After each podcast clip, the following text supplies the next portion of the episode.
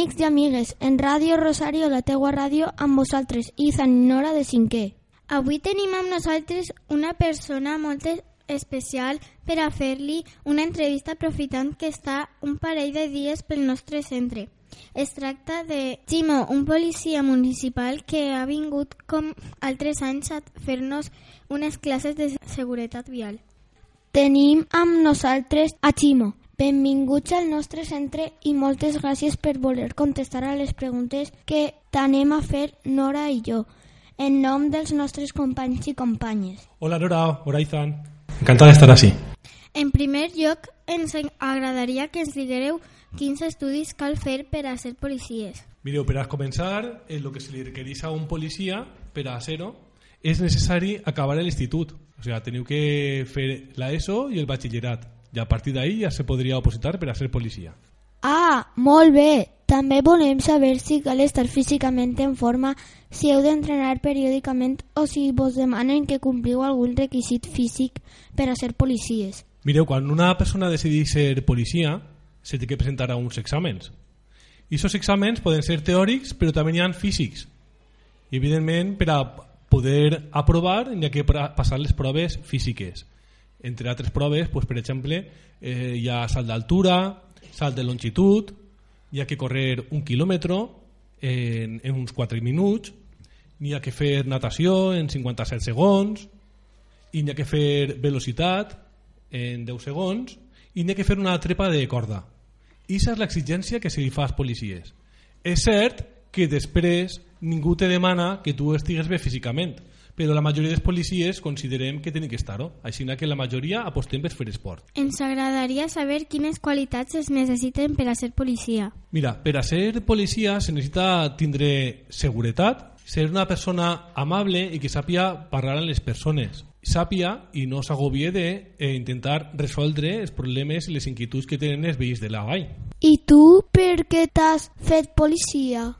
Bueno, jo tinc que els meus estudis i, i sempre m'hauria cridat l'atenció eh, el treball però quan vaig començar a ser-ho em vaig donar compte que encara m'agradava més perquè el treball de policia jo el definiria com a solucionador de problemes de la gent. Què és el que més t'agrada de, de la teua feina? Mira, a mi la meva feina eh, realment m'agrada tot des d'intervindre en actes culturals quan tenim que tallar els carrers o fer acompanyaments eh, hasta inclús denunciar, perquè sempre he pensat que denunciar és una forma d'ajudar a la gent. Cada volta que fiques una denúncia estàs ajudant a algú que té una necessitat. Doneu que siga un vado o una persona que et vulgui circular a peu per la cera i ha un cotxe estacionat damunt d'ella. Són ferramentes o formes d'ajudar la gent. Com te sents quan te aconseguisses ajudar alguna persona? Pues m'imagino que igual que vosaltres. Quan algú vos ajuda vos sentiu bé, però també vos sentireu bé quan ajudeu als demés pues aquesta sensació que experimenteu vosaltres també l'experimente jo. Has tingut por en alguna ocasió, en alguna circumstància perillosa? Sí, a voltes, per desgràcia, n'hi ha situacions perilloses perquè te trobes en circumstàncies on una persona pot estar pues, molt agressiva i en aquests moments pues, patisses per aquesta persona, per les persones que, que hi al voltant i també per tu mateix. Respecte a les pistoles i de més, els companys i companyes volien saber moltes coses. Sempre porteu armes? Són de veritat o sols per intimidar? Les has hagut d'utilitzar alguna vegada? En quins casos podeu utilitzar-les? Vale, sabeu que tots els policies tenim una pistola, que és una arma de foc, i també vos he de dir que a cap policia mos agradaria mai utilitzar-la. Si la tinguem que utilitzar, significaria que estem en una situació molt, molt perillosa. No obstant, tots els anys els policies tenen que anar a fer unes pràctiques de tir per a que no perdran mai l'habilitat i, la, i la seguretat a l'hora d'utilitzar-la. Eh, des de fa poc de temps tenim unes armes que se diuen Taser. Això ens dona molta seguretat, perquè el tàser de disparar uns dardos, disparar una descàrrega elèctrica cap a la persona, que el que fa que la persona que rep aquests dardos se queda immobilitza, se queda paralitzada durant 5 segons. Els seus músculs no funcionen, de manera que la persona cau a terra i nosaltres pues, podem arribar a ella per a detindre-la. I aquesta persona, una vegada passen els 5 segons, no té cap mal, no li fa mal res. Simplement ha experimentat un dolor gran durant 5 segons perquè se li parla la musculatura, però després no té cap conseqüència.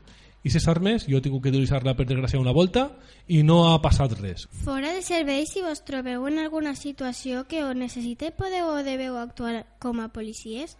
Mira, podem treballar com a policies però també com a ciutadans.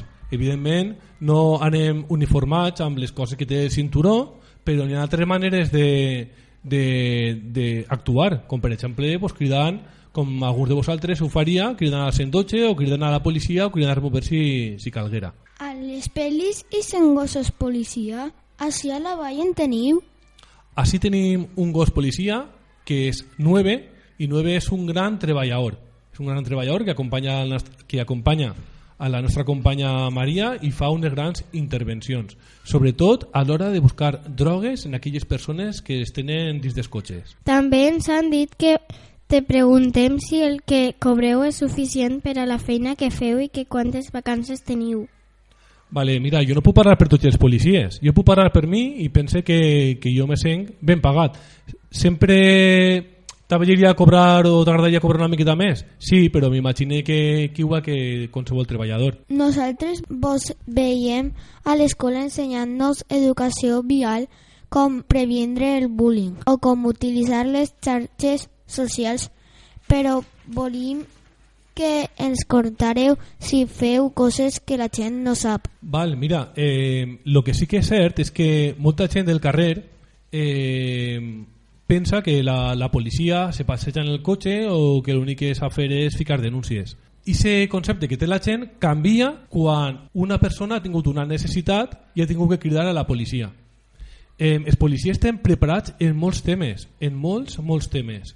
Estem preparats per entrar, per apagar un incendi, inclús entrar i traure i intentar salvar vides. Estem preparats en temes sanitaris. Moltes vegades hem anat a, a domicilis, a una persona se li ha parat el cor i nosaltres tenim que fer la reanimació perquè nosaltres arribem antes que l'ambulància normalment. Quan la gent veu de prop el treball de la policia canvia el concepte que té d'ella perquè veu que és una policia molt preparada en molts temes. I parlant de la seguretat vial, què és el que heu vingut a ensenyar-nos avui i ahir? Els adults respecten les normes de, de tràfic? Heu de posar moltes multes o hi ha molts accidents així a la vall? Mireu, són, són, són diverses preguntes, no? Mira, conteste per la última. La gent pensa que on hi ha més accidents és en les carreteres i està molt enganyada els accidents a les carreteres són més greus perquè les velocitats són més altes, però on hi ha més accidents són en els pobles. De fet, en la vall hi ha de mitja un accident cada dia. Cada dia en la vall hi ha un accident. Eh, la policia denuncia molt? La, la, la policia no vol denunciar. La policia el que vol és que se facin les coses bé. Perquè fer les coses bé significa respectar les demés. I és al final el que volem eh, la gent sap el, eh, té un bon concepte de nosaltres pues, pues bueno no puc parlar de tots però jo crec que en general cada volta veig a gent més contenta en la policia que té La gent gran està parlant molt dels carrils bici que han posat últimament diuen que no estan ben dissenyats que la gent no els usa que són perillosos tot això és veritat? Què penses tu que eres policia? Pues mira, Nora, eh, quan quan se fan canvis grans que afecten a la gent, la gent no, no els rep bé. Tu te, te podries creure que fa molts anys, fa molts anys, fa molts anys, només se obligava a ficar-se el cinturó al conductor dels cotxes? I quan se va dir, ara és que van al costat del conductor i els passatgers que van darrere també se tenen que ficar el cinturó. I la gent dia, però per què? Per què tenen que ficar-nos el cinturó? I ara la gent entén perfectament que hem de posar-nos el cinturó. Els carrils bici és molt pronte per a valorar si estan ben fets o estan mal fets. Tenim que deixar un temps més llarg per veure si la gent els usa i per a que la gent quan vaig a, per el carrer s'acostume a veure carrils bici i a veure bicicletes. El, per què se fan? Se fan perquè hem de fer les ciutats més saludables.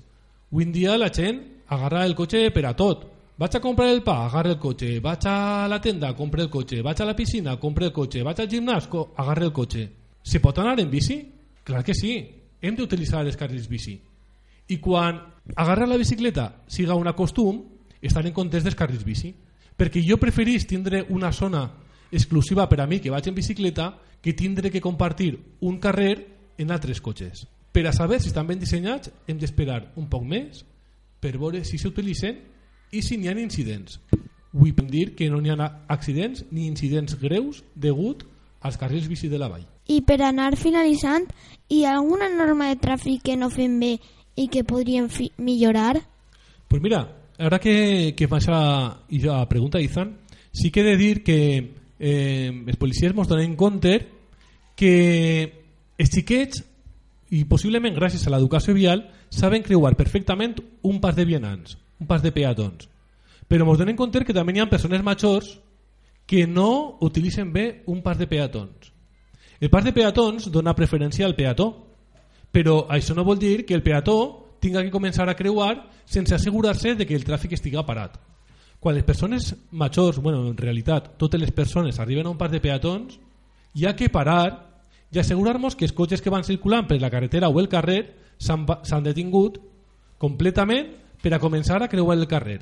I és algo que sí que alguns policies detectem que no corren les persones majors. Bé, Ximo, ja has vist que tenim moltes preguntes que fer-te i si ens haguérem deixat que deixat haguérem estat fins demà. Conèixer les persones i aspectes desconeguts de les seues professions ens ajuda a valorar-los i respectar-los. Efectivament, avui hem conegut un poc més de la vostra professió i si abans ja vos respectàvem, a partir d'avui encara més. Moltes gràcies per tot el que ens has contat i pel temps extra que ens has dedicat. Iza, Nora, m'ha encantat estar amb vosaltres.